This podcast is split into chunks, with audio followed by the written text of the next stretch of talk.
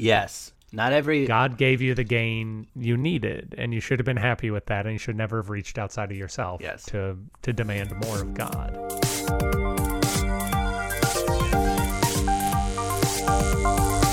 Well, I'm not a crook.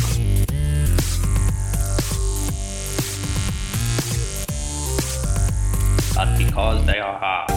Welcome to Presidential Deathmatch, the only presidential debates that matter. Today's headlines. This is a choose your own adventure podcast. Frito Pie makes the man, and we are the best of the best and the worst of the worst. Join us today as Dennis and Aaron discuss what they learned on their summer vacations. All that and more on today's Presidential Deathmatch.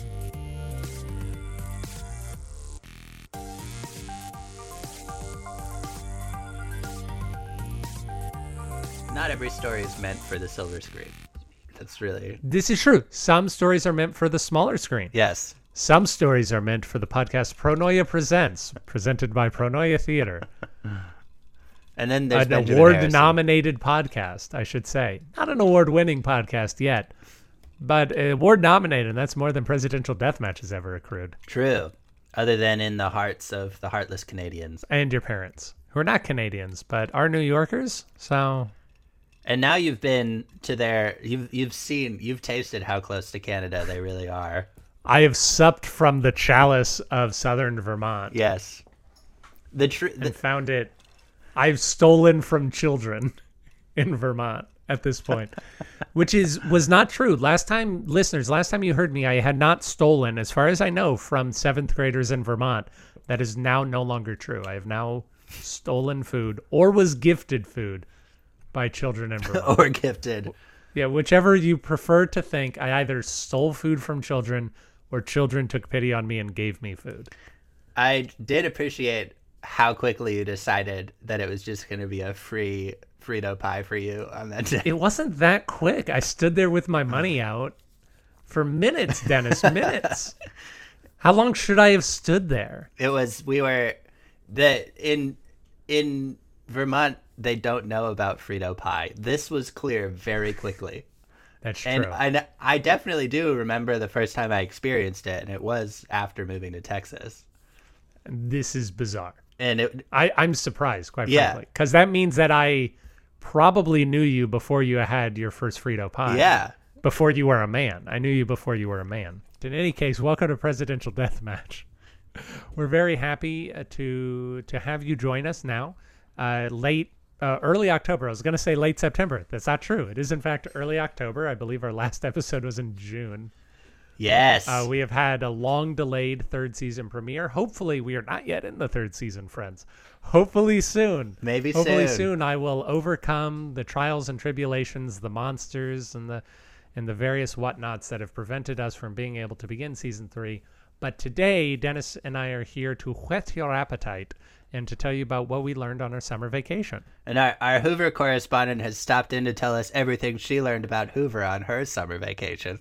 Beep beep beep beep beep beep beep beep beep beep beep dee. from the desk of Carolyn Cooper.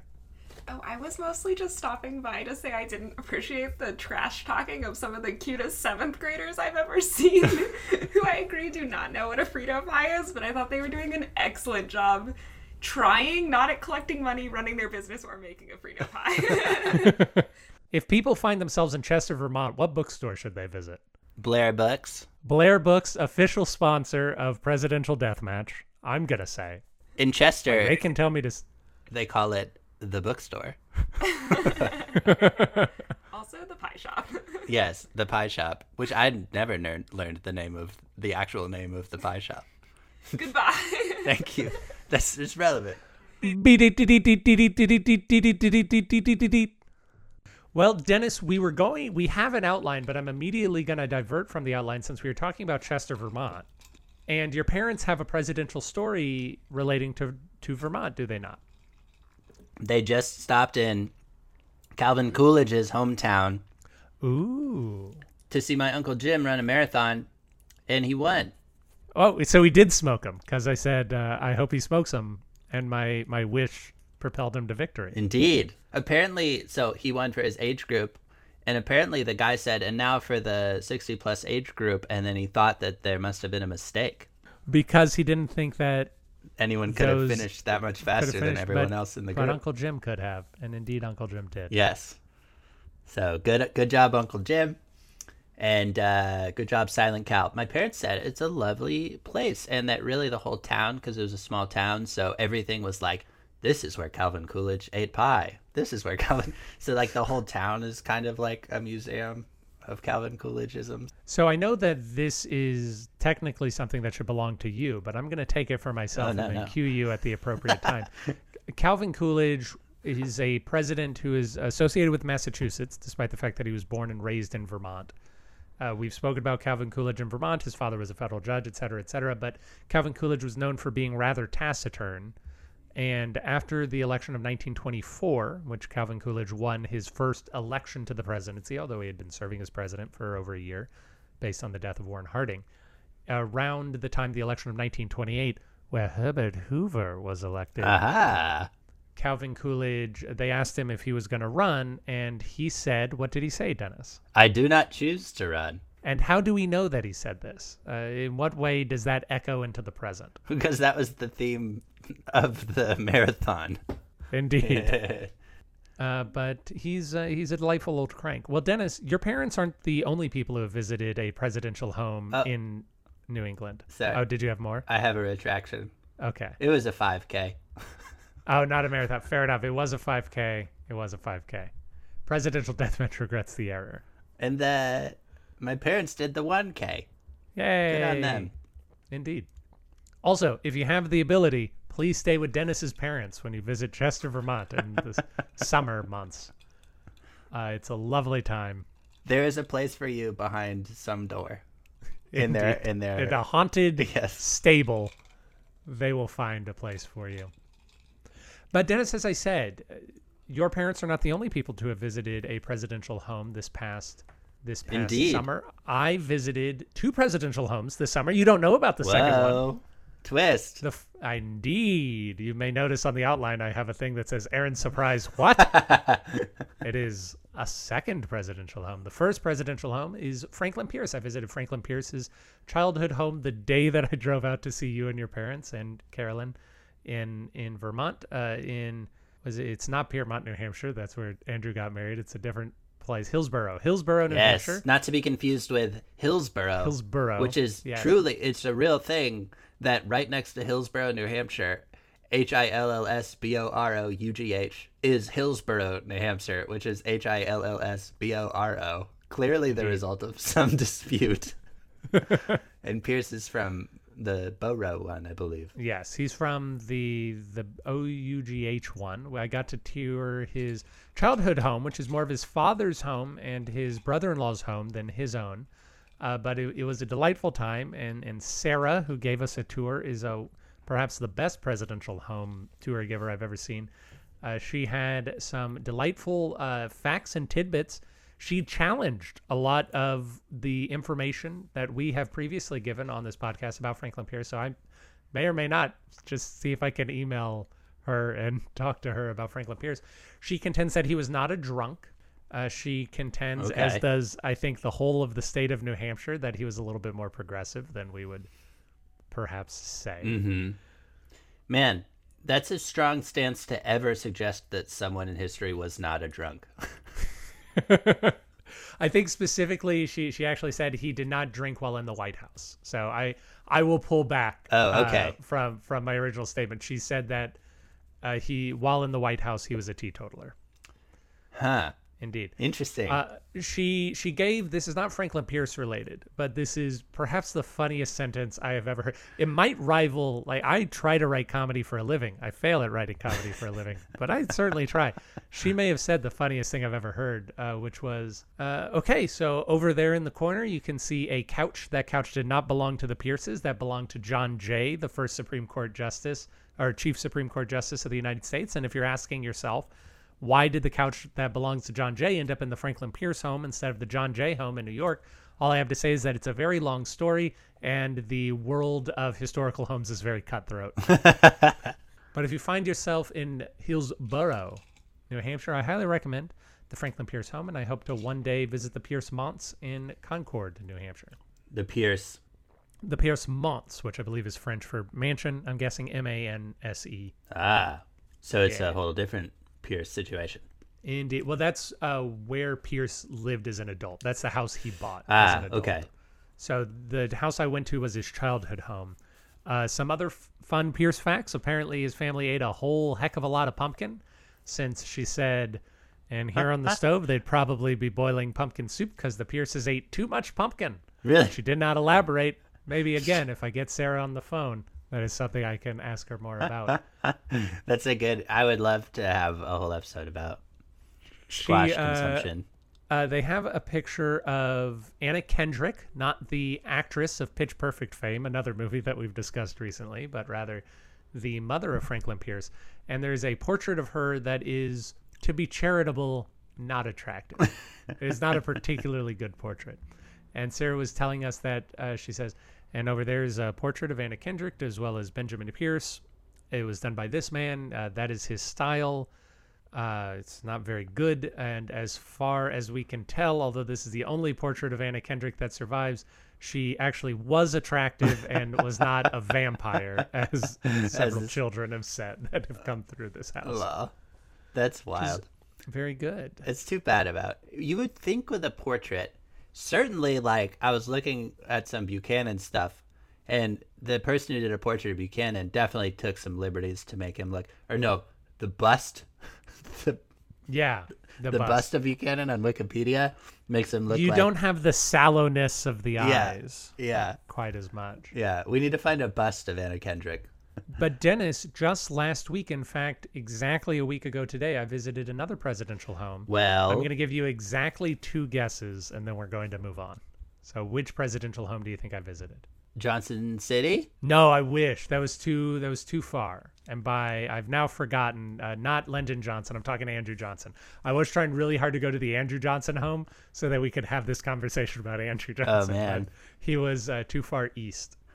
I if they at the Johnson home say that he's a te- he was a teetotaler while in the White House, I'd be like, okay, that's But, just at that uh, point. No, you're just you. uh So wouldn't it have had to have been like the Bushes? No, no. In fact, I thought that you might have gotten clued uh, clued off by me saying that Andrew Johnson's uh, was too far east in Tennessee. I actually actually visited Andrew Jackson's home Ah, while I was in Tennessee last week. That must have been really interesting. I feel like that's a really good one. Uh, it was so we chose not to take the mansion tour because my wife was not with us. And The Monster really tour, likes- you mean? The Monster tour, indeed. Thank you, Pre- uh, Presidential Deathmatch regrets the end.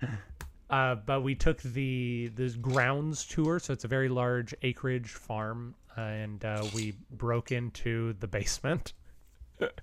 Nice. We we opened up. Uh, we convinced a member of our party to remove the wooden bar that prevents the basement from being open, and then opening it up.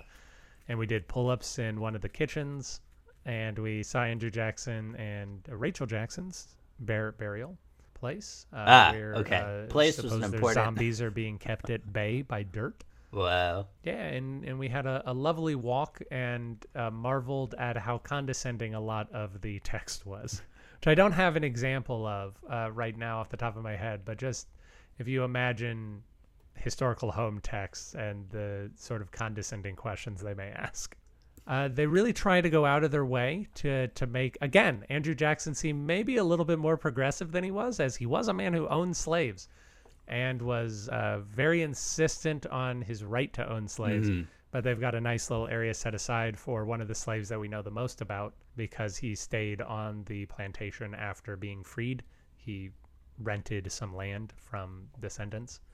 And then uh, when when the house became a historical property in the late 1800s, he stayed on as caretaker. So we got to know a little bit about him. The thing that they do at these presidential homes is just like this desperate search for it, just any hint of Just any of like, humanity in in any of these. Oh God! Oh man, we got to find something good. To, I can't wait to find James Buchanan's house. I'm going to Pennsylvania in December. Huh? I'm gonna see if I can find James Buchanan. Oh Uh, I'm man, typing it up. Uh, what what did he call it? Wheatland. I have yeah, no idea. Wheatland. Yeah, no, he called it Wheatland? Wheatland. Yeah, that that is exactly it. But uh, I assume it's called Wheatland instead of Wheatland. I like in Lancaster. it is Wheatland. Wheatland. Come on in, three fifty for the day. it is remarkable how far out of their way they'll they'll try to make these people uh, seem seem decent. I'm gonna go Lancaster. Yeah, yeah, yeah, yeah, yeah. Ba ba ba ba ba bow. Uh, but that are those are the the places we visited. But Dennis, both you and I read some books and or made plans to read some books. In the case of Yes. the, uh, one of the books you're going to talk about, but we will we will talk about. it. Or both. Oh, did you not read the other one? No. I, Well, I didn't, I didn't read read any books. Okay. I I started well. I read a book. Uh, I started a. I read much of a book related to my work life, and then I also began this book called Assassination Vacation. Written by Sarah Vowell. Yes. So here's what's crazy. It, brace yourself. I went to. I made a friend at a party, Woo!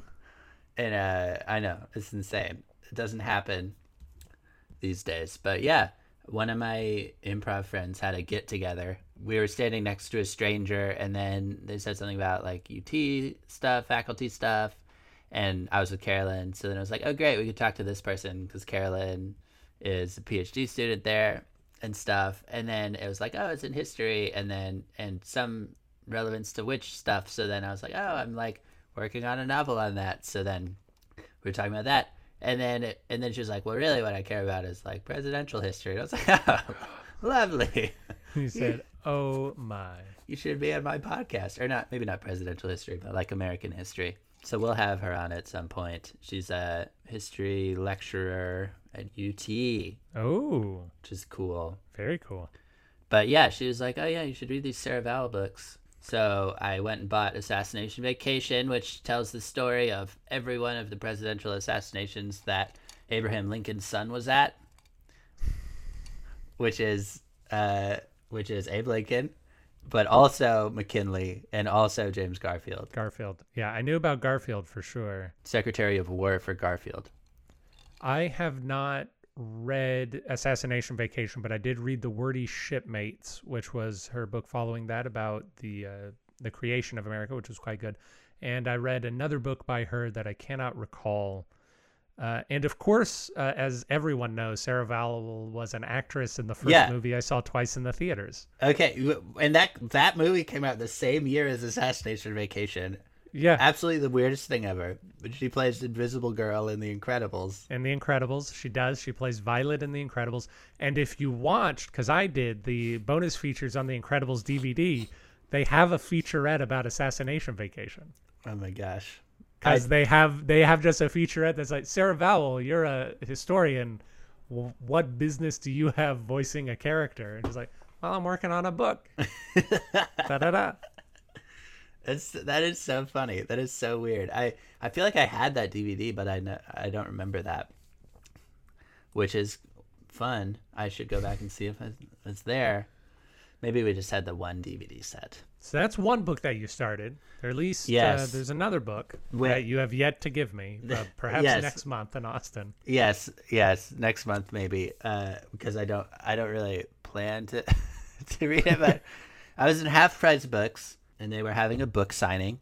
Not something that one expects in half price. Not But- frequently, no. Um, it's a history teacher from nearby, from a small Hmm. town near here, slash pastor, Oh, um, by the name of Lewis Ben Smith. right. So maybe we'll have him on at some point as well. We should. And it's an alternative history book that kicks off with with Alexander Hamilton of musical fame coming to after being shot and being like, ah, Whew, that was that hurt, and then have it being like, what a close one. and then Glad that- I'm not going to become a trivia question for the next couple hundred years. Yes.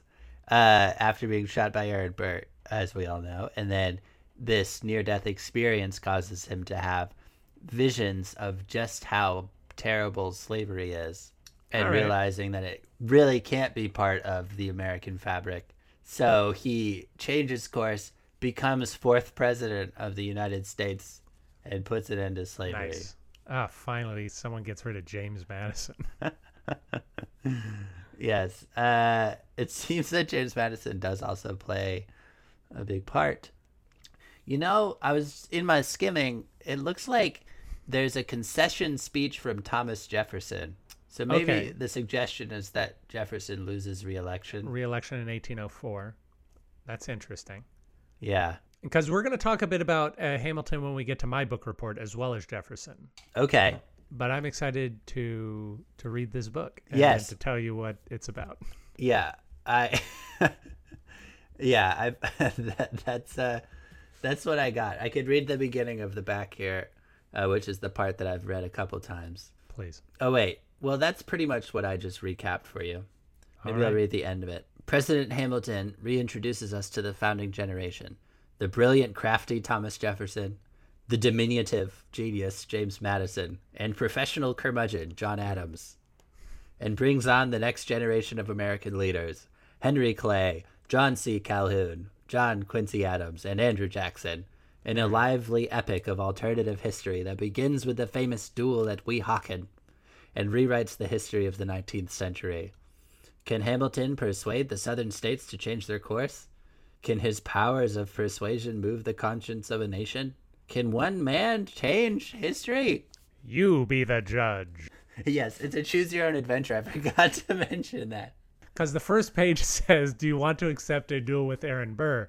If you say yes, you die. It's over. If you say no, though, then then you go on living. Yeah. And that, but in that one, you're never inspired. So then you just do a lot of tax work for the government. Yeah. Uh, well, this may be a natural segue into the book I was reading this this uh, this past summer, which is called "Fears of a Setting Sun" by Dennis Rasmussen. I know. Dennis Rodman. Yeah, Dennis Rodman of Double Team fame wrote "Fears of a Setting Sun." It does seem like the title of a book he would write. I don't know enough about Dennis Rodman to be honest with you. Fears of a setting sun. So this book was about how the framers of the Constitution, this was an early American history book, how the framers of the Constitution began to dislike what the Constitution stood for and feared that the American experiment would end soon after Mm. their lives ended. That uh, basically the generation after them would establish a new constitution or have a new revolution or they would break back down into monarchy. Just because they spent so much time framing it that they just had to like look at it for so long. Exactly. Or or rather it's it's actually interesting because each of them so the book is mostly broken up into profiles. So you have a very lengthy profile on George Washington, John Adams, Alexander Hamilton, Thomas Jefferson, and James Madison. James Madison being the only person of the framers who did not express doubt in Makes its ultimate success. And uh, it also makes sense because he was the longest lived of them. Mm. I, I believe, if I remember correctly, that one framer outlived James Madison, uh, but he, he was especially young or something to that effect. I was just listening to something that was talking about that because it was they were talking about how it was like funny because Madison was always kind of like thinking he was probably gonna die soon Yeah. Because it wasn't very healthy. Um, any moment. yeah. Any moment, now mark my words. I'm gonna... So, but what's interesting is that the the four people that uh, the four negative Nellies that they chose to profile Adams, Hamilton, Jefferson, and Washington all had very different reasons for why they thought America was going to end. So, Hamilton, for instance, felt as though the government was not nearly strong enough. He did not think that the government he Hamilton really favored something of an elected monarchy Uh huh. and he did not think that the government was uh, involved enough in people's daily lives in order to really survive. Whereas Jefferson felt exactly the opposite. He felt as though the government, as provided by the Constitution, did too much to oppress individual liberty. And then John Adams worried that the American people weren't interested in en- enough in politics to choose correct leaders. Amen. Indeed. John Adams continuing to prove himself the best of the best and also the worst of the worst. and George Washington had something similar. He was the first profile, so I somewhat. Oh, factions. Uh, George Washington was Oh, worried yeah. that uh, partisanship. Yeah. Um, have you heard of partisanship, Dennis? Is it No, like is it still around? It's funny because I feel like Washington's so celebrated, but like he was worried about such stupid stuff. Yeah, exactly. Like, come on, man. Like, Yeah. It's not like we're gonna boil down. Although, why no one and I know why. It's because we have a. I'm about to get a little crude here, everybody. Uh, Ryland, stop listening. Uh, we've got such a big boner for George Washington that we can't sometimes see what a crazy person he was. And the book uh, has a very, in my opinion, hysterical section where it talks about how George Washington, during the presidency of John Adams, was afraid that France was going to attack America. So he asked John Adams to let him raise a private army. And then he deputized Alexander Hamilton to be his second in command of this private army. and then he spent weeks obsessing over what the uniforms would be before John Adams announced that he had signed a peace treaty with France and England and then nothing was going to happen. And then George Washington just scuttered all the way back to Mount Vernon. It just is very, it's just a very funny, and like he has, he has his letters where George Washington's like, they're going to march into America and we got to have, we got to have these boys. We got to have these boys ready to attack. The French? I, uh, it was either the French or the British. We were having uh, tough times with both in that particular instance. But uh, but George Washington really became your your cantankerous uncle at the end of his life, Yeah. where he was constantly complaining about partisanship, but was also very very clearly of one party. Yeah. And uh, so there's a podcast I really like, Dennis, called Build for Tomorrow. And the idea of it is that a lot of the fears that we have about the future, especially in regards to new technology, are fears that have always existed with every new technology. Uh, for instance, how the bicycle was said to rob women of their fertility Yeah. because it was too exciting, that sort of thing. I listened to uh, uh, uh, the the podcast The Dollop uh, a while back, and I think one of my favorite episodes ever was it was it just followed modes of transportation through all of American history and looked at how we the press covered the dangers to women and why women shouldn't use them. So like with yeah. trains, it was like. Oh, that's way too fast for a woman's womb to stay in her body. So, like, women shouldn't go on trains. And like, Better yeah. safe than sorry, guys. Better than safe than sorry. All right. And with bicycles, it was like a panic. It was like There's a panic. Oh, You're gonna get bicycle face. Yeah, and it was like, oh no, women are like going places. like honestly it's great go and find that build for tomorrow episode on bicycles it's uh, it's a real hoot but in the same way reading the fears that the founding generation had about the american constitution is somewhat alleviating to any concerns that we may have in the present because we see that the the things that they worried were imminently destructive to america are still problems. We should still work on them. But we've lasted 200 years, and so it, this probably isn't an existential crisis that we're facing at any given moment, no matter how much we, we feel it might be. Another really funny thing that I'm just wish somebody would write something about is how during the presidencies of Washington, Adams, and Jefferson, New England constantly threatened to secede from the Union. just all the time said, no, we're going to go. We're going to pull out of this thing. I don't want to do it. I do not want to deal with this. And John Adams would come and say, guys, just calm down. It's going to be okay. It's going to be okay if Thomas Jefferson's elected. I don't want it to happen, but we're going to be fine. Don't flip out about this. Yeah. It's so weird to think about. I think only just this last time I was back in Vermont recently, really thinking about how the beginning, like the revolution and everything, the beginning of America was just 13 colonies on the East Coast. Like that is not like so like s- like that is not a um, that is not like America as we know it. It's not like anything like that. So it's like like that that history isn't that's just not that interesting to like people in Texas. like it's interesting because it's like their country, but like uh, but like I remember Carolyn telling me that they spent all this time that y'all spent all this time on Texas history Two years. growing up.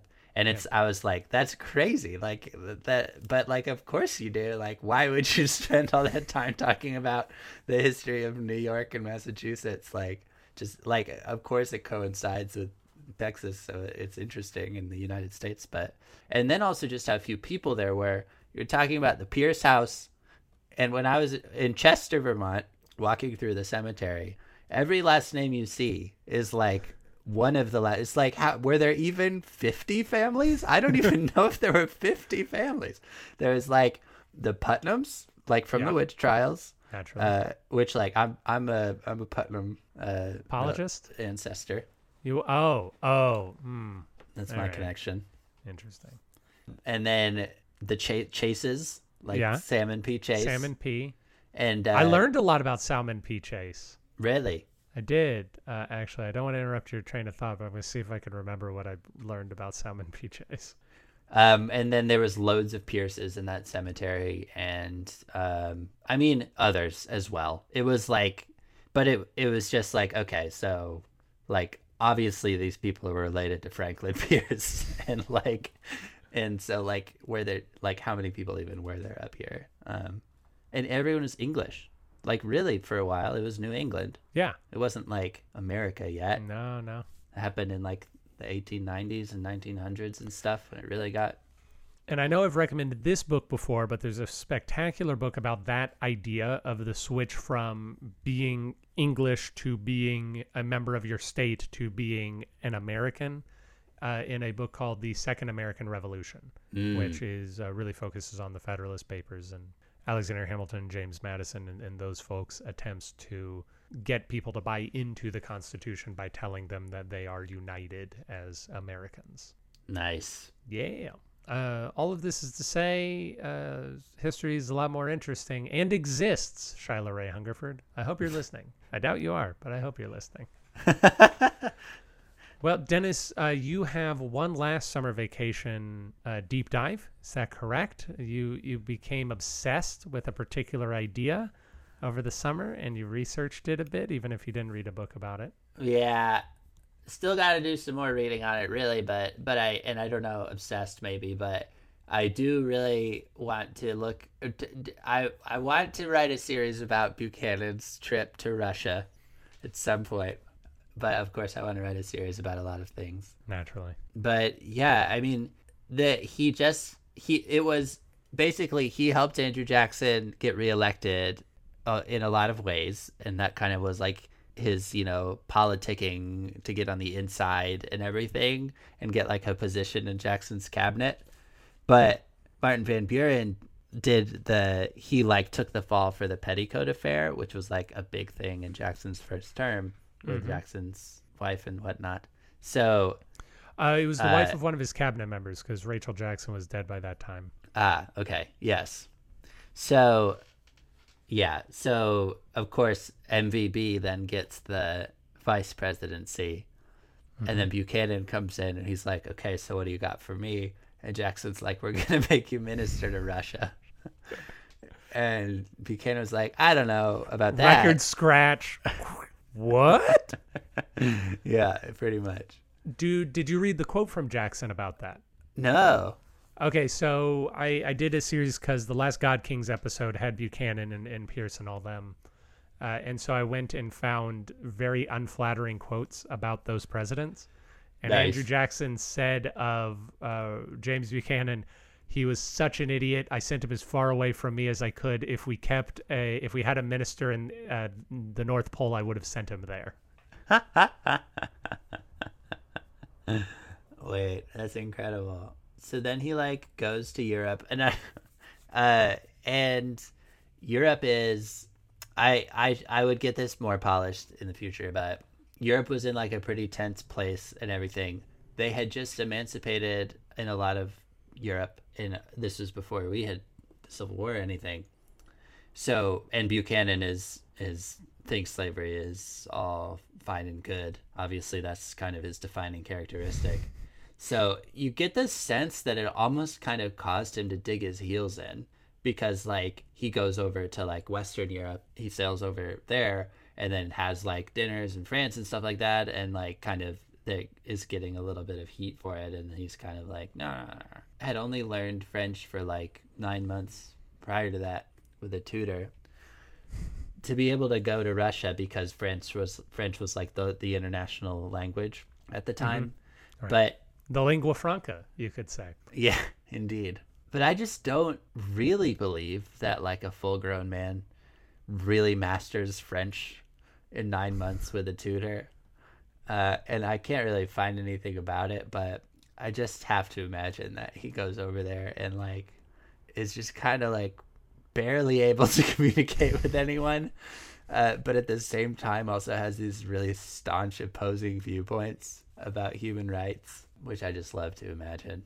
And then when Yeah. he gets to Rush, yeah, he gets to St. Petersburg finally, and it's obviously a very different flavor there with like Nicholas the First being like this monarch in a place that's getting the people are getting kind of progressive, but I think the monarchy itself was kind of just being even more of a monarchy than ever, and they're just kind of like, okay, cool, we get why you're here because he like brings over all the stuff about why he's there, and he says that he's got one thing he wants to cover, and then just for like weeks they're just kind of like, okay, yeah, we'll deal with this at some point. So he, so he travels to Russia and like just kind of sits there, only able to speak very little French. Childish French. Yeah, uh, and just like kind of writes letters back and forth um, to America, telling him that he's like making progress. But I think he did have some successes there at the end of the day. Um, but uh, yeah, I don't know. More to learn there, and I thought at some point maybe we can chat with uh, uh, a global historian, or I also um, think I know some folks who maybe have a master's degree in Russian and would have read a bunch of the Russian literature that was coming out right around then. Yeah. So we could also do that if uh, if we don't get Emily on for that. Oh, I'd But be in anyway. that for sure. Some Uh, so there. that's that's a Buchanan adventure in Russia, which I do hope you write that series someday because that would be a good companion piece to the series I want to write, which is Franklin Pierce for Student Body President. Uh, there you go. I think it has a nice Breaking Bad flavor to it. In that James Buchanan eventually starts to make meth, and Yeah, Franklin like- Pierce uh, sets up a bomb on a wheelchair, explodes a man. Yeah, he. I think just because he he becomes such an anti-hero in like American history, Yeah, and I feel like he's the kind of person who wouldn't have really been all that opinionated about anything, but he would have been forced to become like even in the course of his Right. presidency. That's the feel of it. Is that he starts by being like, "Let's all just get along," and then by the end he's like, "Slavery forever." like, and, uh, yeah. I mean, yeah. that's not like any commander in chief I know of today. Uh, I can say that for sure. Yeah, which would make it relevant, which is nice.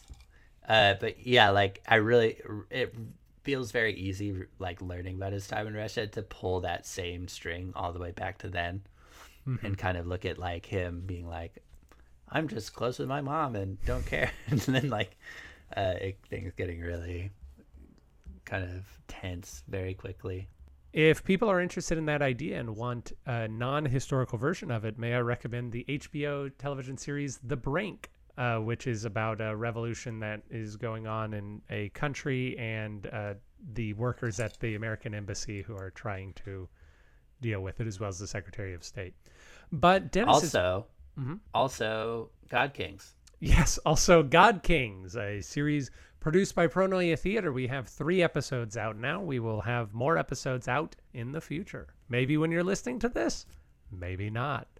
But uh, the latest one, uh, I, I was very proud of the latest one, which covered covers uh, Taylor through Buchanan, and that should be good. Dennis, it's been a pleasure speaking with you about what we learned on our summer vacation. We hope to be back with all of you soon with uh, the full-on season three, learning about some crazy people who tried to become president uh, but did not quite make the conversion.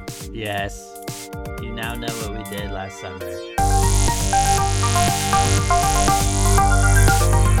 Thank you for listening to Presidential Deathmatch. Presidential Deathmatch is a production of Pronoia Theater. You can find more out about us at pronoiatheater.com. This program was edited by Aaron Garrett with music by Dennis Buddy and hosted by those same two lovable goofballs. You can always email us at contact at pronoiatheater.com. If you enjoyed the program, we ask that you rate and review wherever it is you found us. It really helps us out. And if you didn't like the program, why don't you stick around? We really grow on you.